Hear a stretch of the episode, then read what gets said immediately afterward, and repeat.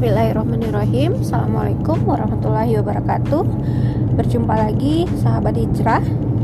Topik kita kali ini yaitu sholat sunnah rawatib. Sholat sunnah rawatib adalah sholat sunnah yang dikerjakan sebelum dan sesudah sholat fardu Sholat sunnah rawatib yang dikerjakan sebelum sholat fardu disebut sholat sunnah qabliyah Sedangkan sholat sunnah rawatib yang dikerjakan setelah sholat fardu disebut dengan sholat sunnah ba'diyah. Ditinjau dari segi mana yang lebih diutamakan, sholat sunnah rawatib dibagi menjadi dua bagian. Sholat sunnah rawatib mu'akad ini bersifat sangat dianjurkan untuk dikerjakan. Mengenai jumlah sholat sunnah rawatib mu'akad ada 12 rakaat.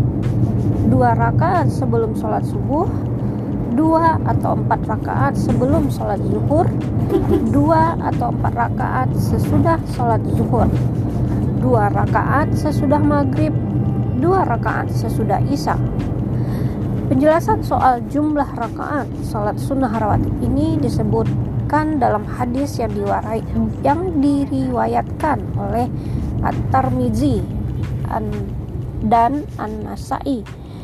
Dari Aisyah radhiyallahu anha ia berkata, Rasulullah shallallahu alaihi wasallam bersabda, Barang siapa yang tidak meninggalkan 12 rakaat pada sholat sunnah rawatib, maka Allah akan bangunkan baginya rumah di surga, yaitu 4 rakaat sebelum zuhur, 2 rakaat sesudahnya, 2 rakaat sesudah maghrib, dan 2 rakaat sesudah isya, dan 2 rakaat sebelum subuh. Salat sunnah rawatib ghairu muakkad.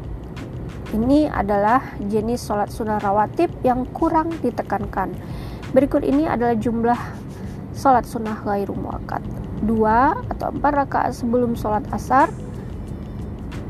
dua rakaat sebelum maghrib, dua rakaat sebelum isya.